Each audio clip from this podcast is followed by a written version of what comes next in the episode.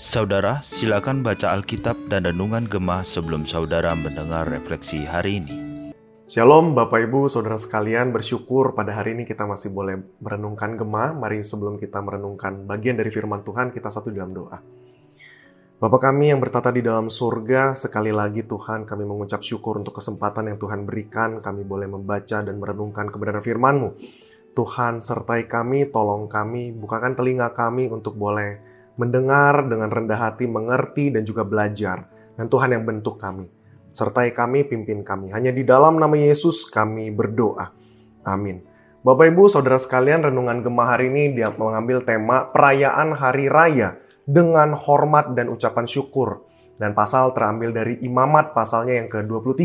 Tapi hari ini kita tidak akan membaca semuanya, kita hanya akan membaca ayat pertama sampai ketiga saja. Saya akan membacakan untuk setiap kita, mari kita perhatikan Alkitab masing-masing.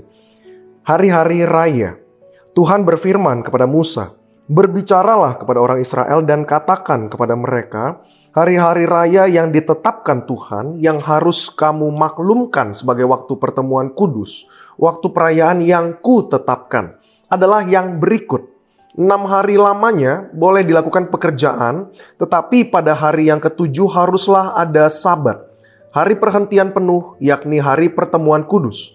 Janganlah kamu melakukan sesuatu pekerjaan, itulah sabat bagi Tuhan di segala tempat kediamanmu. Sedemikian jawab pembacaan firman Tuhan, saudara pasal 23 ini sebenarnya membahas hari-hari raya yang ditetapkan oleh Allah. Maka dari itu saya menghimbau Bapak Ibu boleh membaca kembali pasal ini secara keseluruhan setelah renungan gema pada pagi hari ini.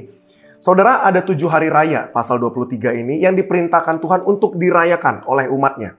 Yang pertama, ada hari sabat atau hari ketujuh yang merupakan waktu istirahat bagi kita atau bagi umat Allah. Hari sabat ini bertujuan mengingatkan kita akan keberadaan kita sebagai ciptaannya Allah umat Allah diminta untuk tidak melakukan aktivitas lain berkumpul dan beribadah kepada Allah. Yang kedua dan yang ketiga adalah hari raya Paskah di hari ke-14 bulan pertama disusul dengan hari raya roti tidak beragi di hari ke-15 bulan itu. Hari raya Paskah mengingatkan umat Israel akan kasih dan kuasa Allah yang melepaskan mereka dari perbudakan Mesir. Setahun sekali selama tujuh hari penuh, umat Tuhan memperingati dengan cara makan roti yang tidak beragi. Hari raya roti tidak beragi ini adalah waktu untuk mengenang perjalanan mereka melintasi padang gurun ketika mereka tidak punya waktu untuk membuat roti yang beragi. Perhatikan saudara, bahwa di tanah perjanjian, hasil pertama dari panen itu harus diambil seberkas dan kemudian diberikan kepada imam untuk dipersembahkan sebagai persembahan yang kita sebut persembahan unjukan atau persembahan seberkas atau namanya persembahan omer. Pada hari itu, seberkas gandum yang baru saja mereka panen itu harus dibawa ke bait suci sebagai persembahan khusus kepada Tuhan. Para imam kemudian harus mengayunkan berkas itu di hadapan Tuhan dan berdoa, kemudian memohon berkat dari Allah. Setelah persembahan unjukan atau persembahan Omer ini, umat Yahudi kemudian barulah diizinkan mengumpulkan dan menggunakan gandum yang telah mereka panen. Sejumlah tujuh minggu dihitung mulai dari persembahan Homer sampai hari raya Pentakosta. Ini dikenal sebagai namanya perhitungan Omer. Ini adalah pengakuan dan ungkapan syukur kepada Tuhan atas hasil panen yang Allah berikan kepada mereka. Kemudian hari raya keempat, saudara, yaitu hari raya Pentakosta atau hari raya tujuh minggu. Ini dirayakan 50 hari sesudah sabat yang ketujuh atau 50 hari setelah hari raya roti tidak beragi. Ini adalah perayaan penuaian dan pemberian Taurat di Gunung Sinai. Umat Yahudi merayakan dengan ibadah khusus dan kemudian mereka membaca kitab Rut. Hari raya kelima dan keenam, yaitu hari raya peniupan serunai di bulan ketujuh tanggal 1, disusul dengan hari raya pendamaian di bulan ketujuh tanggal 10 umat berpuasa mempersembahkan kurban api-apian kepada Tuhan. Pada hari ini, umat Yahudi berpuasa dan beribadah dengan intensitas yang tinggi, memohon pengampunan dosa dan melakukan pertobatan. Hari Raya Pondok Daun, hari raya yang ketujuh, diadakan di hari ke-15 bulan ketujuh.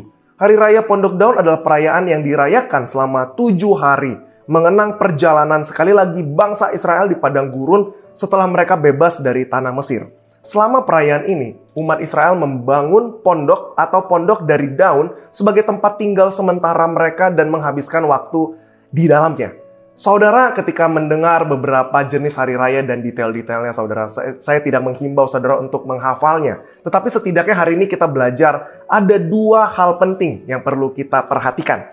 Yang pertama, kalau kita melihat detail yang diatur dari Allah kepada umatnya, saudara, maka pertama-tama kita belajar ternyata merayakan hari raya adalah bentuk hormat kita kepada Allah. Allah menetapkan hari-hari ini untuk bangsa Israel mereka berkumpul dan di dalam perkumpulan ini disebut perkumpulan kudus. Karena perayaan ini bukan ditetapkan manusia, melainkan ditetapkan oleh Allah.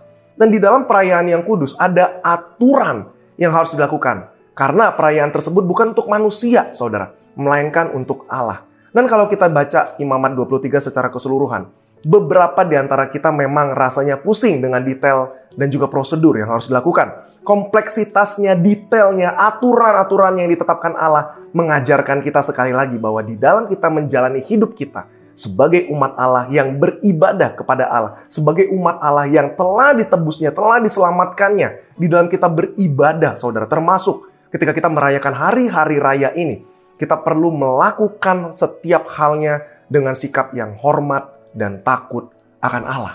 Bukan sembarangan. Maka pada kesempatan hari ini mari kita bersama-sama mengevaluasi cara kita selama ini menghadap Tuhan di tahtanya. Dan di dalam kedalaman dan kesiapan hati kita dalam mencarinya. Baik itu secara publik maupun pertemuan-pertemuan gerejawi atau secara individu di dalam keseharian kita. Apakah kita masih melakukan setiap ibadah kita dengan penuh rasa hormat? Hal penting kedua, merayakan hari raya adalah bentuk ucapan syukur akan keselamatan yang telah Allah kerjakan dalam hidup kita. Secara garis besar, tema perayaan ditetapkan Allah adalah untuk mengucap syukur. Ucapan syukur kepada Allah untuk apa yang telah Allah lakukan dan terus Allah lakukan dengan setia. Belas kasihan, pemeliharaan, kebaikan Allah harus diingat oleh setiap kita dan sesering mungkin. Mengucap syukur harus menjadi bagian di dalam hidup kita sebagai umatnya sehingga umatnya selalu berlaku rendah hati dan taat kepadanya. Orang Israel merayakan hari-hari ini sebagai respons umat terhadap Allah dan terlibat penuh di dalam sejarah keselamatan yang dinyatakan Allah kepada umatnya. Seperti halnya bangsa Israel yang merayakan dan menempatkan hari-hari raya ini sebagai bagian yang penting dan menjadi ritual yang penting dalam kehidupan mereka. Kita pun sebenarnya demikian, saudara. Menempatkan perayaan-perayaan tersebut adalah hal yang penting mensyukuri keberadaan kita yang telah diselamatkan dan dipelihara Allah dulu, sekarang, bahkan sampai selama-lamanya. Meskipun memang di dalam konteks GKI kita tidak lagi merayakan seperti orang Yahudi, tapi di dalam gereja uh, kalender gerejawi kita, kita pun merayakan beberapa hari raya besar seperti Natal, Paskah, kenaikan Tuhan Yesus, dan Pentakosta. Dan di dalam setiap perayaan ini saudara, kita pun berbagian di dalam memperingati keselamatan yang Allah kerjakan dalam kehidupan kita sekaligus kita memuji, memuliakan Tuhan karena kasih setianya. Mari kita mengambil waktu beberapa menit ke depan untuk setelah perenungan gemah hari ini untuk mengucap syukur, memuji Allah, memuliakan Tuhan karena Dia telah menembus dan menyelamatkan kita. Amin. Kita berdoa.